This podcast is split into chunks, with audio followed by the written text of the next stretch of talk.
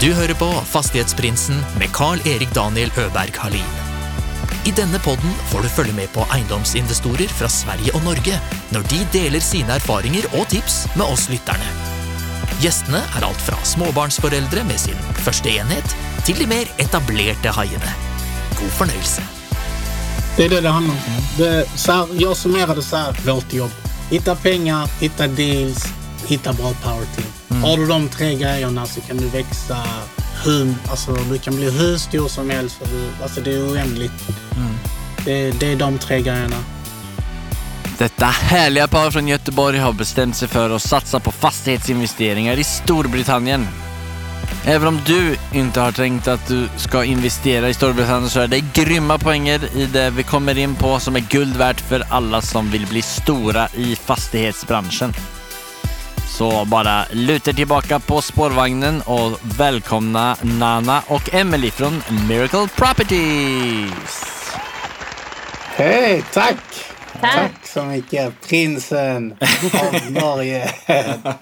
Ja. Det här är första gången som jag intervjuar två personer men vi är ju faktiskt tre personer hos er också. ja. Vem är det Ja, mer? Det- den eh, minsta i familjen är med som vanligt här. Ja. Eh, så Celeste är med, hon är alltid med när vi gör någonting. ja, i alla fall nu i början. Ja, hur gammal är Celeste? Fyra månader snart. Ja, ja men det är härligt. Hon, eh, hon sköter sig hittills. Så det har hon gjort alla Ja. andra gånger vi har snackat så det tror jag går bra. Ja, vi får se om hon eh, vill eh, vara med och ta lite uppmärksamhet ifrån oss eller ej. Ja, nej, men hon, hon får dispens för det. Ja, men superkul att ni eh, tog er tid till att snacka om er spännande nisch och resa som ni eh, har valt att göra. Innan vi hoppar in på det kan ni, kan ni berätta lite om er själva och vad ni gör när ni inte håller på med fastigheter? Ja, så eh, vi är småbarnsföräldrar som ni, ni hör. Eh, vi har två döttrar. En på tre och en på fyra månader. Vi håller på med fastigheter i Storbritannien faktiskt. I dagstid jobbar vi på Volvo. Du är just nu eh, mammaledig Yes. och jag jobbar. Eh, våran portfölj och vad vi har gjort. Vi har gjort en flip. Sen har vi eh, ett antal rent-to-rent. Vi har tre stycken för tillfället. Där vi kommer gå lite djupare in på vad det är rent-to-rent. Eh, HMOs. Och sen så nu har vi två hus i, hos advokaten som vi håller på med. Enfamiljshus. Ja, enfamiljshus. Okej, Och sen, som ett eh, köp eller? Ja.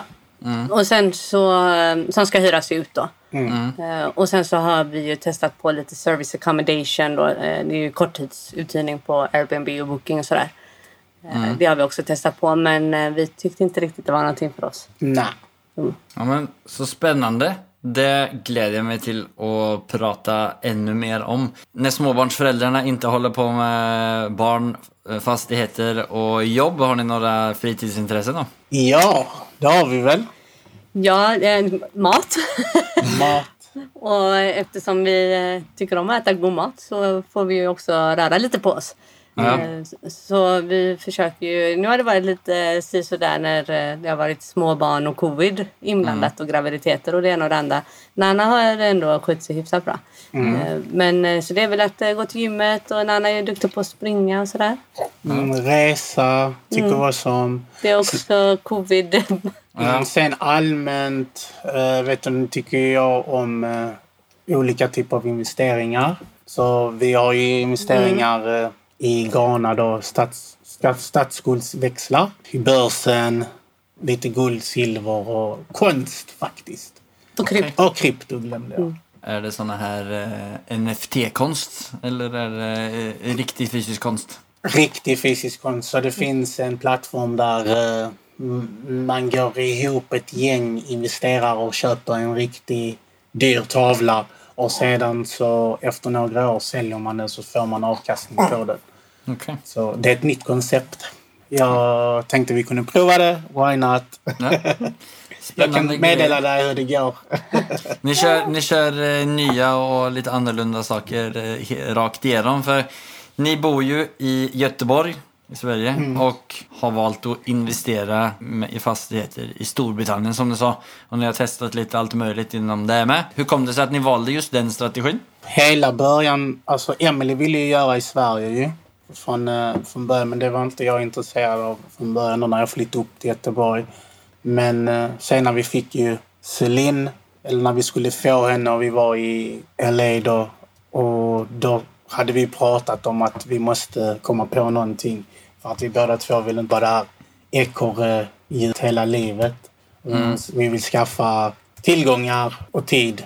Det är det vi vill mest. Passiva inkomster. Mm. Precis. Ja, då människorna vi träffade där i LA sa, till, sa berättade till oss att ja, de, har, de har fastigheter. Alla hade fastigheter. Det var det som var gemensamt. Så när vi kom hem eh, så var jag helt pigg på USA, men det var inte eh, Emily då. Nej, jag hade äntligen fått honom att titta på fastigheter i alla fall. Men eh, USA tyckte jag var lite för långt bort. Och jag tyckte ju fortfarande då att vi skulle vara i Sverige. Mm. Men eh, så hittade Nanna England. Och möjligheterna där är betydligt större. Och speciellt om man inte har jättemycket kapital till en början med. Okej. Så är det mycket lättare att komma liksom på property ladder som de kallar det.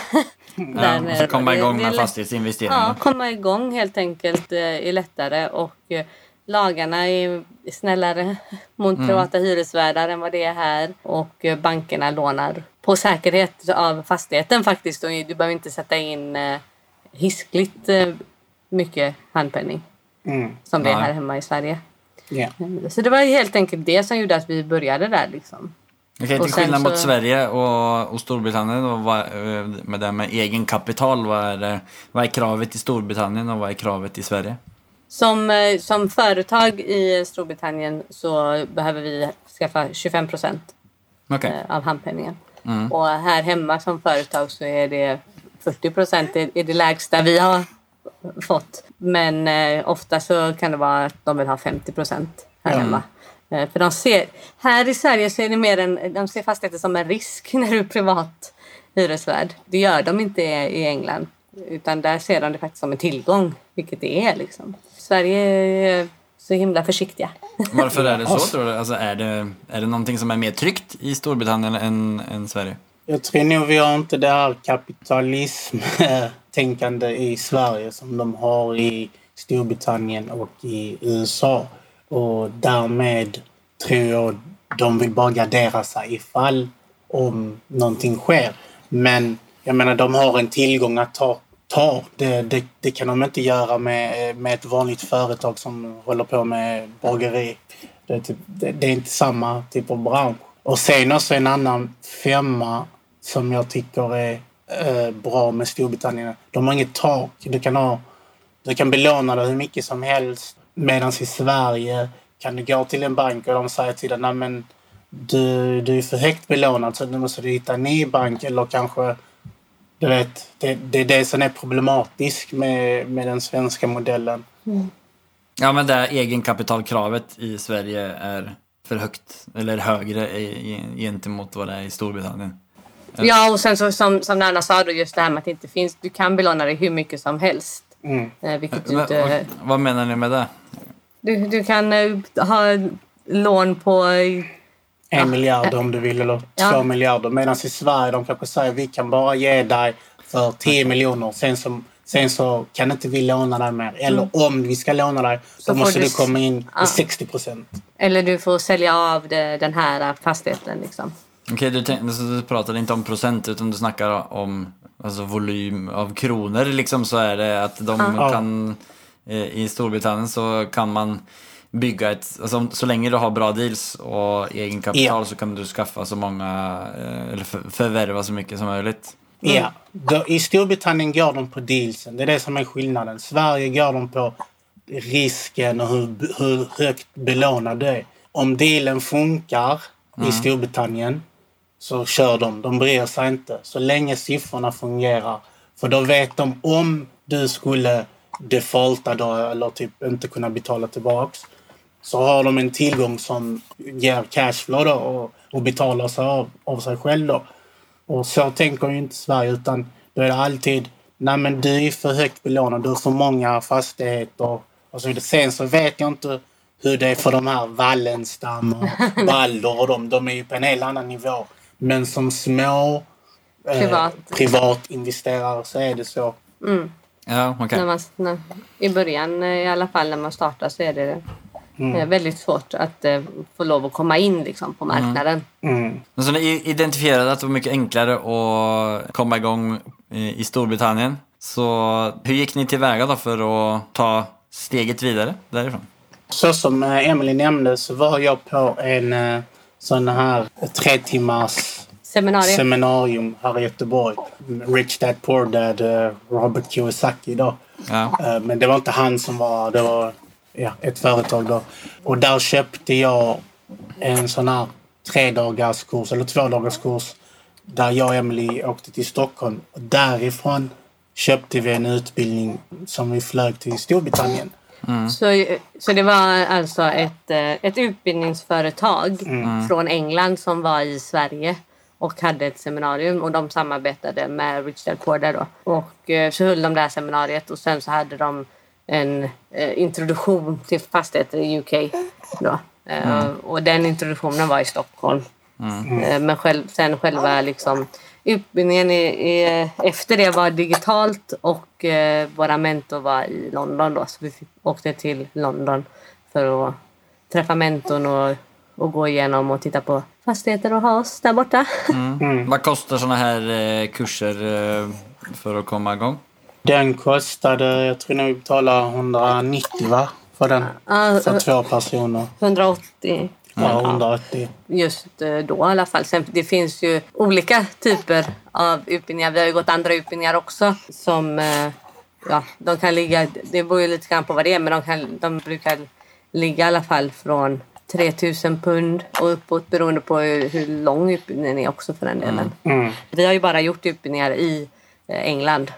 Så, eh, så vi har ju inte gjort några andra liksom. Så där ligger de på de kostnaderna. Det är ju en stor investering för att lära sig någonting. Vad är det man får bortsett från kunskap? Får man något nätverk? Och får man någonting mer som man... Man kan ju aldrig garantera att man ska komma igång men det krävs ju en del, för det krävs ju saker från en själv såklart. Men vad var det som ändå gjorde att ni valde att lägga den stora summan på att lära er om någonting som ni var osäkra på, som är så långt bort? Eh, Vi var väl inte så osäkra på att vi skulle göra det utan det hade vi redan bestämt oss då när vi valde att köpa den här utbildningen och då var det mer att vi ska få så mycket kunskap som möjligt och eh, begå så lite misstag som möjligt. Försöka lära på alla andras misstag. Eh, Och som du sa då för att göra det så behöver man ett nätverk som, som kan visa vad de har gjort för misstag. Ja. Eh, Men jag tror att du får ju inte nätverket i pengarna, absolut inte. Men däremot skulle jag se det som att du får möjligheten till att bygga ett nätverk Ja. genom utbildningen. För att du träffar andra människor, du träffar folk i branschen när du åker över, när du vistas i de eh, kretsarna.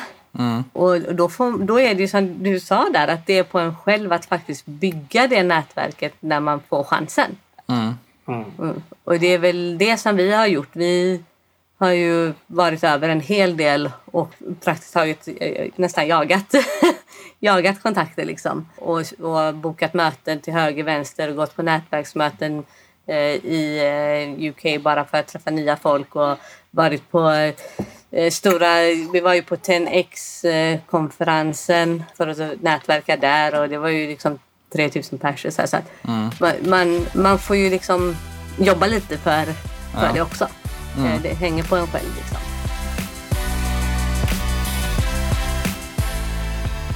Ni tog den här kursen och så satte ni, blev ni färdiga med det och började bygga nätverk. Vad var nästa steg i eh, att närma er er första investering? Vad var det första ni gjorde då?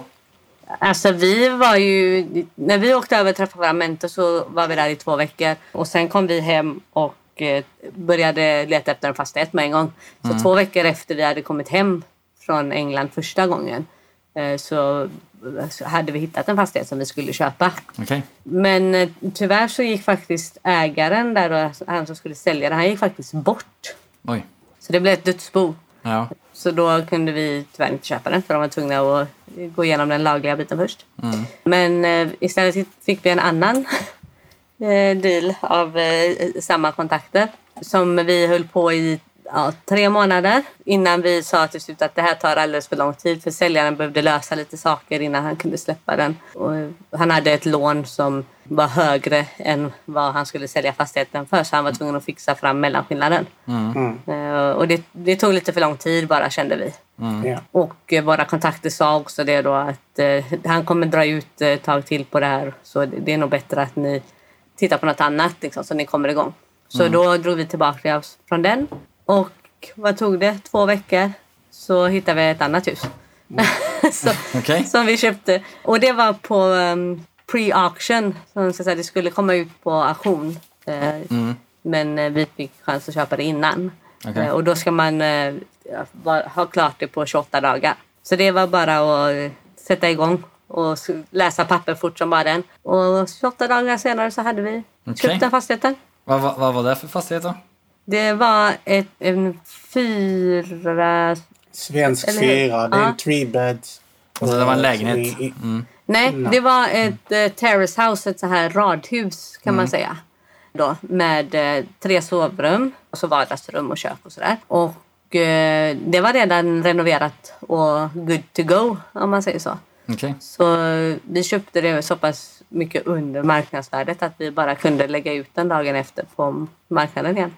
Och Okej, hur kom det till... ja, Okej, det, det var på eh, pre-sale, alltså det typ Kronofogden-aktigt liksom, eller? Nej, men antagligen. Vi vet inte exakt faktiskt varför den här säljaren eh, hade så bråttom och sälja av. Men antagligen så hade de tagit ett så här brygglån eh, som löpte ut och de var tvungna att få in pengar för att betala av det antagligen. För det blir ju väldigt, väldigt dyrt om man inte betalar i tid. Så han var lite stressad. Okej, vad är ett brygglån? För det såg jag att ni använde i er sista affär. Kan ni förklara Ja. lite vad brygglån är? Det är kort lån, dyrt kort lån kan man väl säga. Eh, som, som man använder som en brygga mellan köpet till du lägger över det på en eh, vanlig eh, bolån. Okej, alltså så typ som säga att du, du, du ingår ett avtal med en säljare och så Mm. finns det ett brygglån som man får av vilken typ av bank är det som ger ut ett brygglån? Är det samma bank som ger det vanliga lånet också eller? Vissa banker i Storbritannien gör det, men Mm. majoriteten så är det eh, investerare som är, uh, vet du nu, cash rich. Jag vet inte vad det blir. Alltså de har mycket pengar och de för, vill Ja. ha något ställe att placera pengarna på till en hög ränta. Precis. Mm. Ja, för hög ränta. Det är lite så som i USA, de har hard mo- money lending. Det är exakt samma, bara att i, i Storbritannien heter det bridge och i Sverige har jag för mig det heter brygglån eller det juniorlån eller... Ja, men det är en, en brygglån, men det är Mm. en typ av juniorlån. Ja, Men vad är för, eller varför använder man det? Är det för Snabb- att man inte har... snabbhet. Det, ja, man, får, man får eh, pengarna snabbt. Eftersom det är så dyrt så behöver du inte... Det är inte samma koll, bakgrundskoll eh, på det. Utan eh, du får det enklare. Okej, så du får det lånet först och så kan du egentligen börja din dialog med banken då. Låt säga att du ramlar bort i en bra deal och så eh, köper du med ett brygglån och så är det upp till dig då att börja flörta med banken om du inte har någon bra bankkontakt eller att du kanske snabbt måste flippa den vidare till något annat. Precis. Ja, eller till exempel om du köper en fastighet eh, som inte är beboelig. Då kan du inte få ett vanligt lån. Du kan inte köpa den med ett vanligt lån i eh, Storbritannien. Okej. Eh, Så om, om vi säger att eh, kök och badrum till exempel, det är, är oanvändbart. Eh, Det måste renoveras innan du kan bo i den. Då kan du inte köpa med ett vanligt bolån. Nej. Och då måste du använda ett sånt här lån istället. Okej. Och sen när du fixat det lägger du på bolån eller du omfinansierar då. Och då får de här brygglånen eller bridge sina pengar och du får bankens pengar. Hur långt är ett sånt brygglån, brygglån vanligt? Upp till 24 månader brukar de säga. Det var det Ja. längsta vi har sett. Okej, det är ganska lång tid alltså. Ändå. Ja. Ja. ja. Vad är, Men, vad, eh, vad är det- det- räntorna på det? 0,75 i månaden. Det var vi för. Sen har vi sett andra för 0,5 och sånt. Men det, alltså det, blir, det blir mindre och mindre för att det är så mycket pengar ute i världen. Men där räknar de ju, de räknar ju på, på eh, Månad. månadsränta där. Eh, Okej. Så, så 0,85 till exempel, då, då, är, då får ju du gångra det med 12 för att få årsräntan. Liksom. Ja. Eh, Så det är rätt dyrt. Det, det, man brukar väl säga runt 10 procent om året. Men jag, vi resonerar så här. opportunity cost, tänker vi. Det låter vara dyrt, men vi har en tillgång som vi kommer ha för evigt. Det var dyrt kanske just då. Men om du tänker långsiktigt så är det ju inte dyrt. Nej. Och sen så har du ju alltid med de här kostnaderna i din, din kalkyl. Så du vet ju att de täcks. Ja. Och täcks de inte så gör du ju inte den dealen för då är det ju inte rätt deal för dig såklart. Nej, nej. Anledningen till att ni köpte en billigt, ja, det var för att han hade ett brygg, brygglån som gick ut. Men vad var det som gjorde att han inte gjorde en flip av det då? Varför la han inte ut den på, på marknaden? Så han la ut den på marknaden. Men sen så köparen som skulle köpa hans fastighet eh, defaultade. Eller drog sig ur. Ja. Och då blev han stressad och la ut den på auktion då. Och där kom vi in och handlade. Okej. Och då visste vi, för att vi visste ju vad han hade sålt den från början. Alltså att det inte gick vidare. Så vi visste, okej men så han säljer den för oss för 100 000. Men han har ju själv lagt ut det. Han fick, vet du nu, agreed för 130 000. Mm. Då vet vi, då kan vi lägga ut den för det. Mm. Och det var precis det ni gjorde, eller? Vi gjorde det. Och fick Vi sålt den för det? Nej, inte, vi fick sålt den först och sen så fick de som köpa den fick inte igenom sin finansiering av banken. Nej. Eh, Så de kunde inte köpa den. Så vi fick lägga ut den igen och så fick vi ett, eh, ett bud på lite lägre. Och då kände vi bara att vi, vi kör på det så att vi, vi gick fortfarande plus. Ja. Eh, Och det var det viktiga för oss. Vi, vi, det var ändå 14% avkastning på våra pengar. Liksom. Mm. Så det var ju inte dåligt på sex månader Nej, nej. eh, dessutom. Så, Nej, nej. Så Ja. 121 fick vi sålt den för. 121 000. Ja. Vi tänker så här, hellre snabbare. Vi hade kunnat sitta på den. Ja. Och med facit i hand hade vi suttit på den under covid. För vi sålde den eh, januari innan. Ja. 2020. Då hade vi säkert fått den. Vi har sett nu på den gatan, de går för typ 150 och sånt. Mm. Men då hade vi suttit på den i sex månader till. Så det är lite så som, det, som jag sa. Man vet, aldrig, man vet aldrig vad som ska ske. Och det var, hade vi inte sålt den då och covid hade skett så hade vi nog varit jätte, jätte nervösa. För det var ju absolut ingen som trodde att marknaden skulle göra som den gjorde. Nej. Det, Nej, man man vet inte och man får det- ta de chanserna som kommer. Ja, nej, men är det, det är väl Warren, War, är det inte Warren Buffett säger väl något sånt att man, eh, det viktigaste är att inte förlora pengar. Ja. Så det var väl, eh, jag tänker 14% på egna kapitalet i den första dealen är ju bra och skapa lite momentum. Vad var det som, eh, vad gick ni vidare till efter det då? Vilket år är vi på här nu förresten? Eh, 2019 var det som vi gjorde den. Ja. Och, och eh, vi gjorde även eh, Service Accommodation 2019. Mm. Eh, den här korttidsuthyrningen då på Airbnb. Var det ett köp som ni gjorde eller var det att ni hyrde någonting? Rent to rent. Mm. Men jag, jag ska försöka säga till, för Emily glömmer tidsskalan här. Så 2019 Mm. startade vi vårt bolag januari. Ja. Första husköpet och den här rent to rent gjorde vi på samma dag i juli, den 15 juli om jag minns rätt. Mm. Gjorde vi två fastigheter. En rent to rent och ett, ett köp. Okej. Ja. Så nu är vi i juli. Så alla lyssnarna det är vet. bra. 2019 juli. Sen så sålde vi huset 2020 januari den 30. Ja. Okej? Och så hade, hade ni kvar den rent to renten då också eller?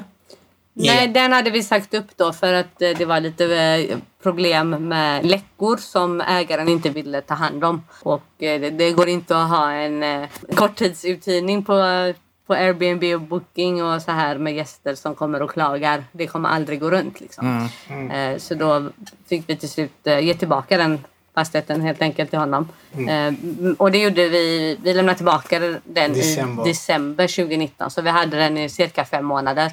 Eh, Och vi förlorade inga pengar på den. Så det var ju jättebra. Ja, plus nu kommer vi in på en ganska eh, intressant sak som egentligen är hela essensen av det ni egentligen gör. Alltså ni bor ju i Sverige och hyr ut fastigheter i ett annat land. Ni kan ju liksom inte möta upp, bara hoppa in i bilen. Eh, det är inte som klassisk vanlig eh, long distance eh, investing utan det här är ju skicklig long distance investing. När ni då går på en sån där typ av investering, alltså rent to rent, då brukar man ju, den som som tar sig an det här rent-to-rent-ansvaret brukar ju då vara den som hämtar in hyresgäster och kanske den som ja, fixar allting och det är det, det som blir liksom utbytet i, som man tjänar pengar på. Vad är det, vad är det för värden ni tillför i en sån typ av deal då? När ni sitter i Göteborg? I denna, I denna deal, just på Service Accommodation, så var det ju våran deal helt och hållet och vi hade ett management team som skötte om det. Eh, Så det var, vi betalade ju dem för att eh, ta hand om gästerna helt enkelt. Eh, så- Men eh, de eh, rent-to-rent som vi nu har ihop med våra samarbetspartner och vänner eh, faktiskt. Eh, där har vi ju ett eh, samarbete där vi sätter in kapitalet för den här kosmetiska renoveringen som man gör. Okej, det gör det man. inte- Alltså, när ni hyr en, när ni gör en sån rent-rent Ja. så hyr ni en, eh, man gör liksom en, en sån här eh, liten eh, renovering även på dem. Ja, men Mm. det är ju inte mycket pengar. Vi pratar liksom om 3000 pund Ja. som vi har lagt in för Mm. att göra den renoveringen. Eh, och, eh, och så sköter de eh, fastigheten sen. Och så delar vi på vinsten. Passivt från våran sida. ja. Så hur ser eh, räkenskapet ut på en sån? Eh, vad hyr ni den för och vad hyr ni ut den för och vad be- vad betalar ni management för tjänsterna som Vi- du köper? Ja, så den, till exempel vår första rent-to-rent eh, då, som vi gjorde med våra vänner. Eh, det är ju en HMO. Den är fem rum som vi hyr ut. Och HMO Eh, betyder? House of Multiple Occupancy. Så det är flera eh, icke-relaterade personer i samma fastighet. Så Som du delar hyr ut, alltså att du hyr ut rum för rum, eller? Exakt. Ja, exakt. Eh, och så delar de på kök och badrum i de flesta fall. Ibland har man badrum per rum. Och då har vi en hyra till ägaren på 1000 pund på den. Eh, vi har lagt in 3000 pund för att fixa till den innan vi satte in hyresgästerna.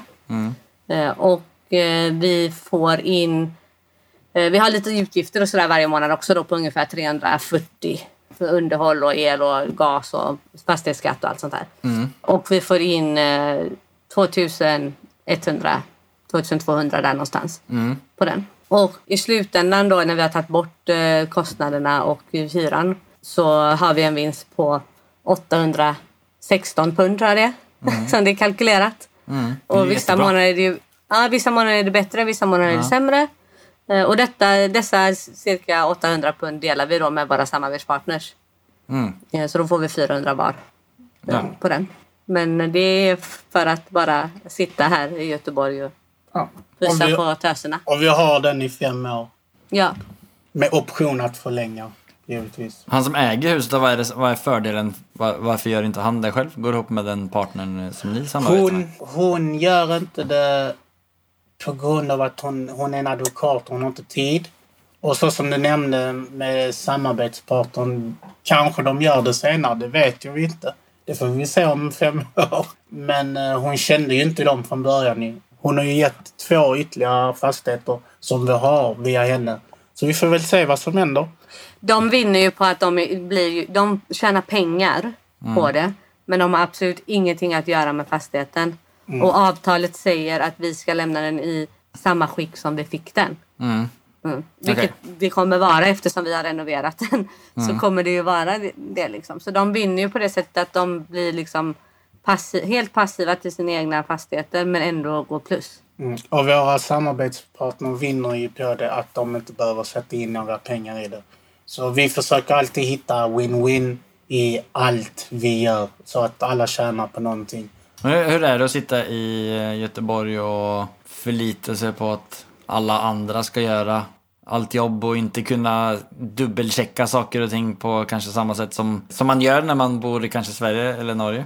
Det är en vanesak. Det är jobbigt, men det, det är lika bra. Man vill ju vara passiv, så det är lika bra att vänja sig och förlita sig. Ibland vill man ju saker ska bli gjorda för en dag och så, så skjuter de upp den. Men eftersom att du är ju här så du kan inte göra något. Du är ju... Men eh, man, eh, i fastighetsbranschen eh, och i många sådana här föreläsningssammanhang om fastigheter så snackar man om att man ska skaffa sig ett power team och det är ju någonting som ni verkligen har varit tvungna att bygga upp. Vilka typer av resurser eller samarbetspartner är det som är ert power team i, i Storbritannien? Oj, ja, har vi tid för det? Nej, men... Nej, men vi har alltså i stort... Jag, jag, jag är ledsen, men jag, jag måste faktiskt gå. Ja. Klockan är två. Nej, men eh, vi tackar. eh, Emily måste iväg och hämta äldsta barnet. Det är lugnt. Från dagis. Jag löser det här. Så tackar vi för eh, ditt bidragande hittills. Ja, Okej. tack så jättemycket. Det var jättekul att prata med dig, Daniel. Ja, Ja, tack. Vi pratas mer sen. hej. hej, hej. Ja, eh, Okej. jo, vi var väl på Power Så. Team. Eh, när man Ja. jobbar så här långt bort, alltså vad är det som Ja. du känner att du behöver? Eh, ja, vilket, vilka resurser är det som du har stort behov av? Så Power Team, vi har ju flera brokers.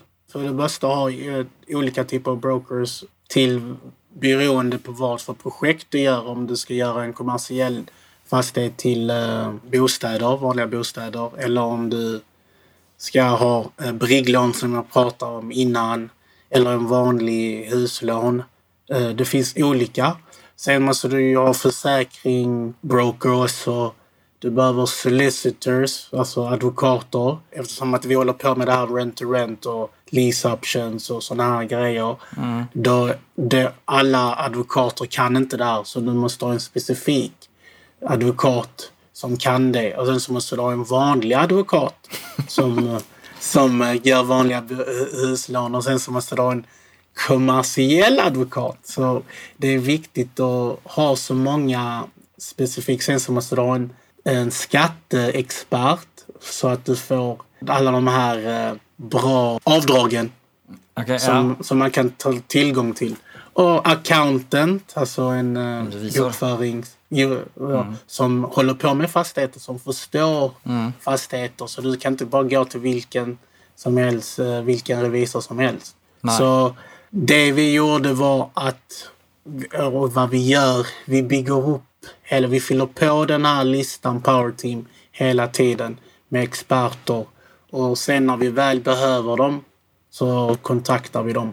Men under en deal då, vad är det som... eh, Ska du igenom alla de här så har du ju skapat ett eh, svart hål eh, som du inte kommer kunna täcka förrän om tio år med en investering. Vilka det som du ska igenom på om du köper den här första fastigheten då? Den första, när du köper en vanligt hus, ett vanligt hus, då behöver du ha en solicitor, alltså en advokat. En sån här som håller på med bostäder då. Mm. Och sen så behöver du ha en eh, vet du, revisor som du talar om för eh, vad du ska göra helt enkelt. Så de vet och kan eh, ja, guida dig. Och sen behöver du ju vet du, ett big team ju, självklart. Om inte du använder en sourcing agent som har ett big team. Det, det är egentligen de du behöver. Sen så kan vi gå ner i detalj. Att, ja, om du köper ju med pengar, alltså dina egna pengar eller om du använder brigglån eller om du använder mortgage. Då beror det på vilken eh, vet du, broker du använder också. Egentligen är det broker, solicitor, accountant, alltså revisor och sen antingen om du använder sourcing agent, big team och deras letting agent. Alltså letting agent det är någon som hittar hyresgäster för dig sen Ja, när det. ditt projekt är färdigt. Så det är de fem grejerna du måste ha. Ja, nej, men, eh, när, när ni har då, så ska ni ha hjälp av alla de här. Och ni sitter då igen med en summa som ni känner är motiverande till att fortsätta med det här. I den här processen, alltså vilket alltså, skapar ni något värde? Eller är det här liksom som en investering som, som du säger, att köpa konst tillsammans med tio andra eller eh, köpa aktier. Där, det kan du ju inte påverka någonting på samma sätt som du kan påverka en fastighet som du gör någonting i Sverige. Såklart, alltså, man köper kanske tjänsterna lokalt också eftervart när man blir stor och, och så också. Så, men så vad är er roll i, i de här eh, investeringssammansättningarna? Så vår roll är väl att eh, vi ska bara se till så att alla jobbar ihop och att det går smidigt. Så till exempel när vi köper ett hus, då måste vi meddela, eh, vet du nu, solicitorn och brokern att okej, detta är vad som händer. Och sen så frågar ju brokern oss, ja, vi måste gå in och besikta fastigheten för att ni vill ta ett bridge eller om ni vill ta ett lån. Mm. Och då måste vi meddela, vad heter det nu, solicitorn. Så oftast är det att man har alla i samma tråd. Mm. Och sen så när det är dags för eh, renoveringen, då måste du antingen meddela sourcing agenten så att de kan ta in sitt big team eller om du har ett eget big team att du meddelar okej okay, det, det är snart dags, fastigheten är snart klar. Och sen när du ska börja hyra ut den då måste du meddela letting agenten och långivaren att ja, fastigheten är snart klar. Så att de också håller kontakt. Alla måste, du vet, det är du som håller i ja. trådarna. Det, det är där. Sen så kan du gå så djupt i att du vill sitta och uh, välja hur fastigheten ska se ut. Mm. Du kan säga jag vill att det ska vara blåa väggar sånt. Men vi bryr oss egentligen inte om det. Nej. utan vi ja, kör det som är. Det jag sitter och tänker på nu egentligen är ju, alltså du, ni hade ju varit på ett sånt eh, 10x Grant Cardone eh, seminarium och när man växer inom fastighetsbranschen så, alltså, som de flesta vill som är inne i det, så kommer man ju till det här steget där du egentligen bara blir en projektledare. Du styr och ställer med massa olika komponenter i ditt powerteam. Så på ett sätt är ju det här egentligen jäkligt bra att starta på. För när ni väl har blivit bra på det här så har ni väldigt enkelt att alltså skalera upp och gå från att vara, alltså som ni är i ganska startfasen ändå nu, till att alltså, kunna bli, bygga och bli så stora som möjligt. Det handlar ju bara om eh, att resa kapital och bara eh, få det här powerteamet och, och istället för att det är två pers så är det fyra pers till åtta till liksom och bara dubbla och multiplicera. Så det är ju mm. en, eh, det var en liten uppenbarelse. Det var en liten polett som föll ner så det är väldigt bra. ja. ja, nej men alltså det, det är exakt så som du säger. Och det är egentligen det som är fördelen när man investerar på distans. Att du måste sätta i system och du, allt sånt här. Så vi har så mycket system och så har vi två anställda från eh, Filippinerna, Filippinerna, sån här virtual eh, assistant som hjälper oss. Så det blir mer som riktigt typ så företagande där ja, allting måste klaffa. Och allting är ju på dig. Mm. Men för det är ju, jag har ju hört många gånger att folk säger att det viktigaste är att du bygger ditt powerteam och man kan ju höra en sak och så kan man förstå att det är viktigt men för min del så förstår jag innebörden av det och vilken, vilken positivitet eller vad, vad, vad positivt det är att faktiskt bygga det powerteamet och det, den glidande övergången blir mycket mer smooth. Men nu, nu har vi stannat och pratat väldigt lite om eh, eran resa generellt. Eh, för det är så mycket spännande runt omkring det att bygga powerteam och investera på lång distans och i Storbritannien där andra regler är och så vidare. Kan du ta oss lite snabbt igenom vad, vad ni har gjort eh, efter ni har genomfört de här dealsen? Efter eh, det så Emily eh, rörde lite på det eller pratade lite om det så har vi kört, kört Rent Rent HMO. Vi, vi hittade det. Vi kände att det, det är det som är våran grej. Vi har tre stickna av dem och de genererar nu mellan allt från eh, 700 alltså på en dålig månad till eh, 1500 på en bra månad. Och så nu lägger vi in eh, de här två fastigheterna som vi har på gång nu som är hos Legals och lär nog vara klar i september. Och de kommer generera ytterligare mellan 600 till 650. Vi siktar på en till fastighet innan årets slut. Det hade varit gött och då kommer vi ligga väl runt 2500 pund i månaden. Och planen är då att nästa år att jag avslutar och jobbar och kör heltid på det här. Jag blir financial free som de säger. Yeah. Ja men det låter ju riktigt fett och det har ni då potentiellt klarat av genom att göra kanske tre köp som ni sitter på, alltså buy and holds eh, om man ska mm. använda internet terms. eh, och så i tillägg då att ni har tre stycken eh, Rent to rent. rent to rent, alltså som ni hyr en fastighet och så hyr ni ut den vidare. Och det Ja. Som ni gör då genererar, kommer kunna generera cirka 3 000, mellan 2 och 3 000 eh, pund i, i månaden. Precis. Eh, och det ni gör då är att följa upp ert eh, powerteam som ni har i Storbritannien. Ja. Och så som du nämnde att det, det är ju att vi åker över dit. Nu har vi inte gjort det på grund av covid men planen är ju förhoppningsvis att när det här lugnar ner sig att jag då, när jag går heltid, kan åka över dit, skapa eh, större power team, mer möjligheter och mer eh, fastigheter, både rent to rents och eh, vanliga. Och ja, helt enkelt bara som du säger vara den som hittar pengarna och så, så bygger upp den här portföljen då. Och sen se- så kommer Emily ut. Ja, nej men för Eh, om du då inom ett eller två år hoppar av eh, ditt fasta jobb och börjar eh, och tar den lönen som kommer därifrån så tappar ni ju då en intäkt som eh, man skulle kunna använda för att eh, recirkulera in som egenkapital.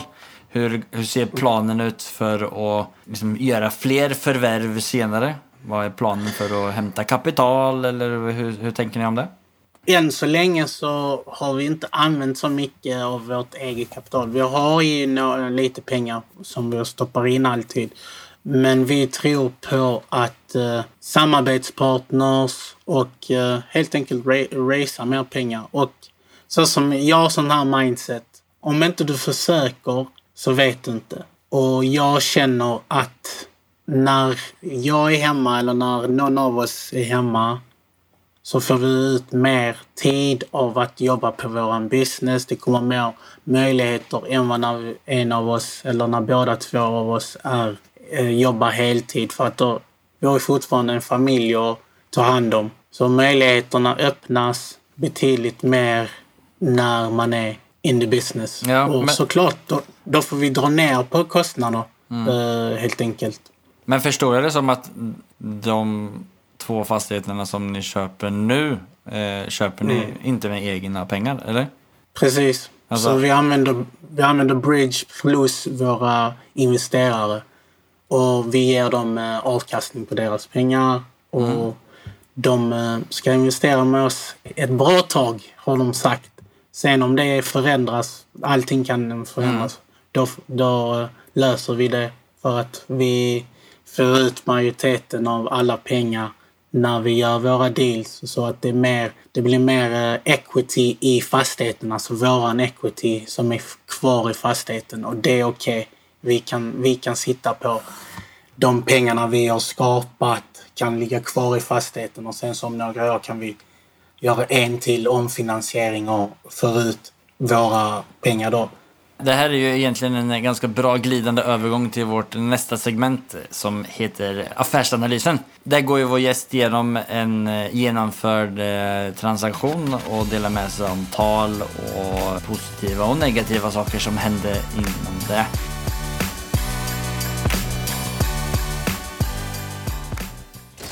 It has not been easy for me. And, you know, I, I started off in Brooklyn. My father gave me a small loan of a million dollars. Affärsanalysen. Kunde du delat med dig lite om den affären där då? Alltså eftersom att vi pratade om det nyligen. Så hur strukturerar man upp en sån eh, deal eller en sån sammansättning när, när du skaffar ett bridgelån och så har du hittat en till Investor som du lånar egenkapitalet av? Hur ser den fördelningen ut procentuellt och vad får de för räntor och vad är, deal, eh, vad är avtalet? Brigglånet får vi, får vi 75% belåning av husköpet. Och de måste, och sen, men du får bara utbetalt för de tar alla avgifter från husköpet då, som du gör för att gardera sig ifall om inte du betalar under ett helt år. Då. Så de tar det, så egentligen får du ut 65 då. Så de, man kan, vi brukar räkna 10% Och sen då måste du hitta i de övriga 35 procenten. Och där kommer antingen vi in eller investerarna som vi har nu kommer in med de 35 procenten och så, så ger vi dem en eh, årlig avkastning. Det varierar mellan 6 till eh, 12 procent Det, det, det beror på hur, hur lång tid de eh, är villiga att belåna pengarna till oss. Om de säger att vi får ha dem fem år, tre år, ja, då kanske du kan få 12 procent. För att då kan man återinvestera de pengarna flera gånger och få fler tillgångar. Medan som det kanske bara är ett år, då kanske vi säger bara 8 procent eller 7 procent. Det, det är så vi gör. Än en gång så är ju det här ett väldigt bra tecken eller en bra grund på liksom, att växa sig stor. Alltså ni har både ett bra system, ni är inte begränsade av egenkapitalet heller. Så eh, då, nu förstår jag mycket, mycket mer varför ni har valt att gå in i Storbritannien och det attraktiva med det. För ja, ni, ni, ni är ju verkligen obegränsade egentligen på att växa. Alltså det, det, mm. det som det handlar om egentligen handlar ju om att hur mycket tid du lägger på att bygga ditt powerteam och hitta deals egentligen. Det är det det handlar om. Ja. Det, så här, jag summerade så här, vårt jobb. Hitta pengar, hitta deals, hitta bra powerteam. Mm. Har du de tre grejerna så kan du växa hur, alltså du kan bli hur stor som helst. För du, alltså det är oändligt. Mm. Det, det är de tre grejerna. Ja, men jäkligt bra. Men eh, berätta lite mer om den här dealen då. Så den här dealen är, det är faktiskt den som vi håller på med nu. Mm. Eh, som är hos Legals. Så vi köpte den för 90 500. Okej? Okay? Mm. Renoveringskostnaderna 15 000 pund. Huset kommer att vara värt cirka 120 000 till 125 eh, men vi, vi är väldigt konstruktiva med våra nummer. Och hyran eh, per månad är 850 pund. Så det är 9780 om året. Alltså en yield blir på 10,8, alltså hyra slash köpeskillingen. Mm. Och ROI brutto ROI då 24 procent. Eftersom att... ROI är return of investment, det du räknar på egenkapitalet. Precis. Som du 20... lånar också. Ja, precis. Så egentligen så har du eh, en ROI på Infinity som eh, hacka ditt liv Christian Veduran hade sagt. ja, precis. Infinity and beyond. Ja. Så det, det är den. Sen så den är just nu i legals och vi får se ju uh, om det blir exakt de siffrorna. Men uh, det är mm. vad vi går, går mm. på. Allt kan hända. Det, det, finns ingenting som är uh, nej, nej. alltid sådär. Nej, men och, och, är det lätt att hitta sådana där deals? Eller? I den här marknaden, nej. nej okay. den här marknaden som jag vet inte hur det är i Norge, men i Sverige och i majoriteten typ USA och Storbritannien så är, är vi ju i en boom. Så det är väldigt svårt att hitta bra deals. De här som jobbar för oss från Filippinerna, de har väldigt svårt att hitta deals nu under covid. Så vi fick använda en sourcing agent. Så då betalar vi en avgift för den här tjänsten och de hittar den här dealen. Så, okay. så om du har ett bra power team igen, en bra sourcing agent, då kan du hitta de här dealsen i, eh, i den här heta marknaden mm. ändå. Det är riktigt spännande alltså. Lycka till vidare med att hitta massa bra deals. Det lär, lär du ju bli expert på och eh, sätta folk i jobbning. Så det där, eh, det där vill jag höra mer om hur du, hur du gör för att hitta bra deals med så bra nummer. För det lär man ju kunna applicera egentligen i vilken marknad som helst. Ja, det, vi får väl återkomma igen på ett annat avsnitt. Ja, jag tänker det. När ni, när ni rundar miljarden eh, om två år så, så, eh, så, är ni välkomna tillbaka. Nej, men då eh, tackar för den summeringen och så hoppar vi vidare till eh, vårt nästa segment och sista segment som heter Fyra frågor. Det här segmentet är ju att jag ställer de fyra samma frågorna till alla gäster och så svarar ni på dem.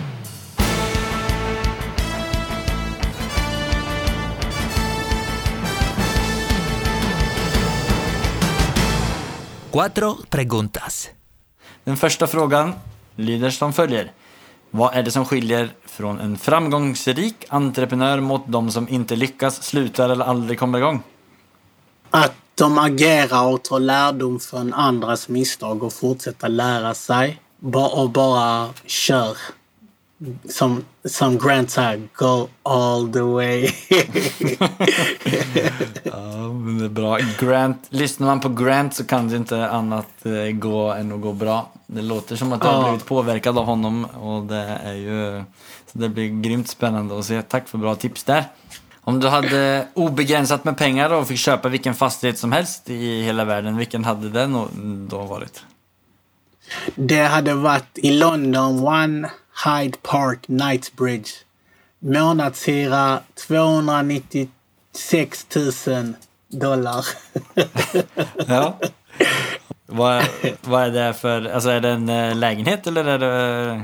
Lägenhetskomplex. Okej. Det, det är lägenhetskomplex. Jag, jag, jag är bara om cashflow. cashflow is king, som de säger. Men eh, tippar att den inte är så Att den är så billig att köpa heller? Nej, det tror jag nog inte. Det stod inte vad det var för pris. Jag, jag, jag, jag googlade upp det här faktiskt för att jag visste att du skulle ställa den här frågan. Men då kanske det inte blir så bra cashflow om den var svindyr. Ja, kanske inte. Ja. Kanske det är equity. Ja, ja. Kanske, du, kanske du bytte strategi genom det här svaret. Tredje frågan då. Bästa boktipset för en som är intresserad i fastighetsinvesteringar? Det här är väldigt kontroversiell eh, bok som jag kommer nämna. Eller person. Själva boken i sig är jättebra. Är det Astrid Donald Lindgren? Trump. Vad sa du? Är det Astrid Lindgren? inte så kontroversiellt. Det är Donald Trump, Art of the Deal. Art of the Alla Deal. fastighets äh, vet du nu, investerare eller intresserade bör läsa den boken. För hur han tänker när det gäller affärer, det är magiskt.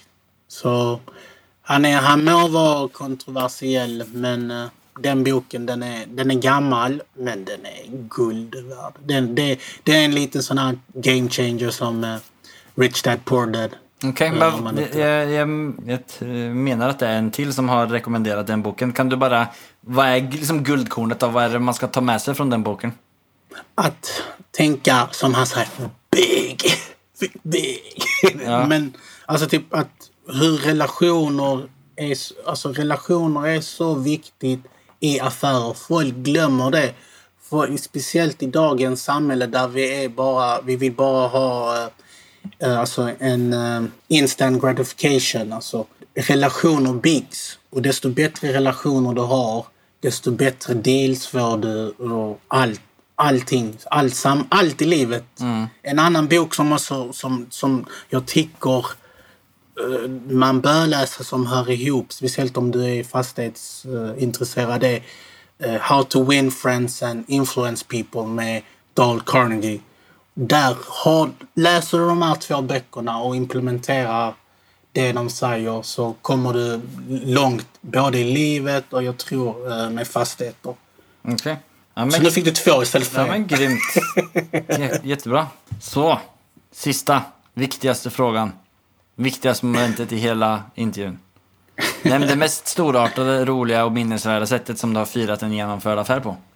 Det var när vi genomförde vår första och andra affär 2019, juli, när vi köpte den här flippen och Rent Rent SA. Vi hade precis varit på en eh, fastighetsutbildning i Storbritannien och vi hade vunnit ett pris.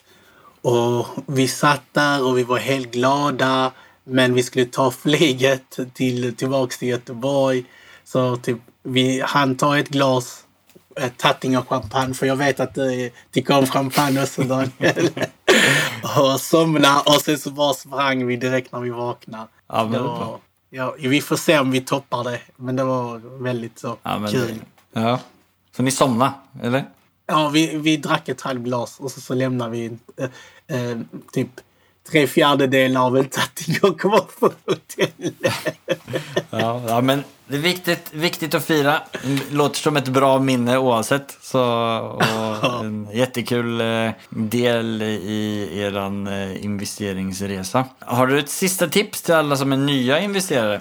Jag tycker att ni ska skugga någon eller alltså någon mentor då som gör det du vill göra. Ställ massvis med frågor. Lyssna på poddar som den här, böcker, kolla upp människorna så att du vet att de gör det de säger. För det är många, många, många scammers i den här branschen. Ja, gör det så tror jag nog du kommer långt. Och var inte rädd för att betala för en, utbild en bra utbildning. Många säger oftast att ah, det kostar si och så. Och det, det, här kommer in igen med vad Grant Cardone säger. De, de som är framgångsrika lägger pengar på utbildningar, böcker och så vidare. För att det är där de träffar andra och det är så man levlar upp. Om du, om, om du ska hela tiden bara, men jag kan göra allting själv. Då, då får du inte nya tankar, nya idéer. Bara att vara i ett rum med andra entreprenörer gör jättemycket. Mm. Så var inte rädd för att betala för det, men kolla upp människorna så att du vet det de lär ut stämmer. Nej men jättebra, jättebra tips, verkligen. Det var superbra summerat. Och vi har ju inte nämnt det heller, men eh, om, man vill eh, lyssna eller lära sig mer om eh, just det med investering i, i Storbritannien så har ju faktiskt ni en podcast och ett mm. eget företag som heter Pengaflöde Podcast heter vår podd. Och vårt företag heter ja, Miracle Properties Ltd. Så där går vi igenom eh, varje vecka. En, en vecka är det med gäster, en vecka är det med oss. Där går vi igenom vårt, våra projekt eller eh, vad vi tycker man ska tänka på när man investerar i Storbritannien. Så kika in den podden. Mm. Den, den är, jag tycker att den är bra. Vi har fått bra kritik. Jag är kanske partisk. läser bara det positiva. Ja, precis. Inget under fem stjärnor läser du. ja, precis. Ja, men det är bra. Nej, men den, den rekommenderar Det är jäkligt intressant och det är eh, bara en liten, eh, liten bits and pieces av eh, vad ni får lära er där. Och, eh, men eh, innan vi rundar av då, är det någon speciell person eller relation eller kontakt, typ av deal som ni är ute efter? Nu kanske lite få som säljer eh, eller som har deals och erbjuder dig i, eh, som lyssnar på den här podden. Men är det något annat, någon annan typ av person som, som du är intresserad av att ha kontakt med?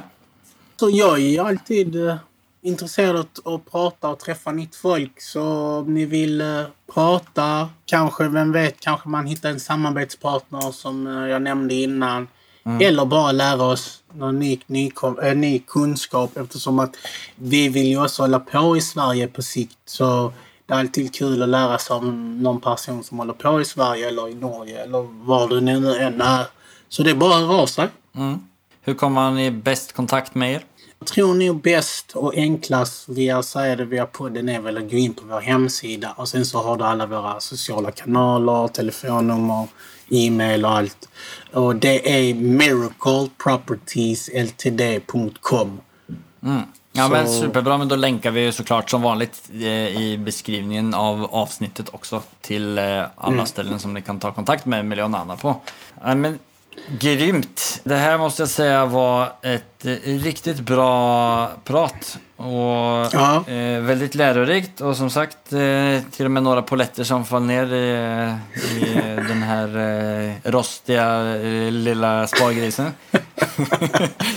det var ju trist att inte Emily kunde vara... Emily och Celeste ska jag väl säga, kunde vara med hela, hela tiden. Men du får hälsa dem så jättemycket och så pratas vi snart igen. Ja. Tusen tack för att du hade, hade med oss och vi hoppas att vi kan återgå när vi har en miljard som du nämnde. ja. ja, men bra. Då har vi en deal på det. Perfekt. Super. Ha det bra då. Ha det bra. Hej. Jag måste säga att jag inte har varit helt övertygad på de här utlandsinvesteringarna tidigare, men ja, här har jag fått en riktig tankeställare. Och som ni hörde så var det en polett som föll ner hos mig. Det att ha ett powerteam har jag hört många prata om är väldigt viktigt. Ska jag bli riktigt stor inom fastighetsbranschen så kan det ju inte vara jag som gör allting. Målar eller lägger golv. Utan jag måste ha ett bra team som när man bygger upp vilket företag som helst. Sparade några kronor den gången, men mitt framtida jag blöder för att jag inte letar kapital eller deals eller bygger mitt powerteam. Superstort tack till Nanna och Emily. Vill du hjälpa mig och hitta nya spännande gäster? Eller komma med förslag på intressanta teman så får du jättegärna mejla mig eller skriva på Instagram under Fastighetsprinsen. Nu ska jag till Feskekörka och möta Glenn. Ha det!